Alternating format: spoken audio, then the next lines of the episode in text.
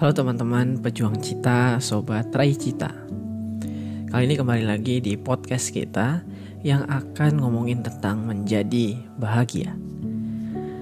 Teman-teman semua, kita sulit bahagia karena sering kali salah menempatkan standar kebahagiaan. Menaruh alasan-alasan untuk bahagia pada sesuatu yang berada di luar kuasa kita. Kita berkata akan bahagia jika diberi harta, akan bahagia uh, jika ranking satu, akan bahagia jika jadi populer atau akan bahagia jika orang lain baik kepada kita. So, ketika hal itu nggak tercapai, alasan tersebut nggak uh, jadi kenyataan, kita bersedih dan akhirnya kita kehilangan kebahagiaan. Ketika ditanya kapan kau berhenti bersedih, kita akan menjawab menunggu sesuatu yang membuatku bahagia. Dan kita tak berubah. Alasan kita bahagia adalah pencapaian-pencapaian yang ada sekali lagi ada di luar kuasa kita.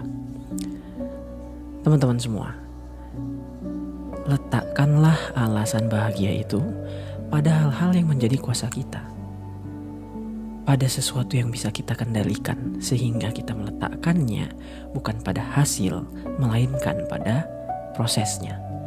Alih-alih bahagia karena ranking satu, berbahagialah jika dirimu telah belajar dengan sungguh-sungguh. Berbahagialah bukan karena besarnya uang yang didapat, tapi usahamu untuk terus menyebut rizki itu dengan semangat. Tak perlu menunggu kebaikan orang lain kepadamu untuk menjadi bahagia. Berbahagialah ketika kau mampu berbuat baik pada sesama. Taruhlah alasanmu untuk menjadi bahagia pada prosesnya, bukan pada hasilnya. Pada usahamu, bukan bagaimana semesta bersikap kepadamu. Dengan begitu, teman-teman semua, kita akan mudah menemukan kebahagiaan. Ia sejatinya ada di dalam diri kita. Dengan begitu, kau tak perlu menunggu untuk bahagia, karena dirimu lah yang memegang kendali. Kini tinggal giliranmu untuk memilih.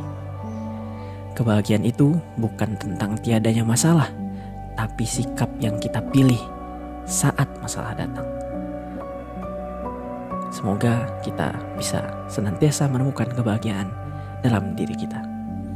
Jangan lupa bahagia teman-teman semua.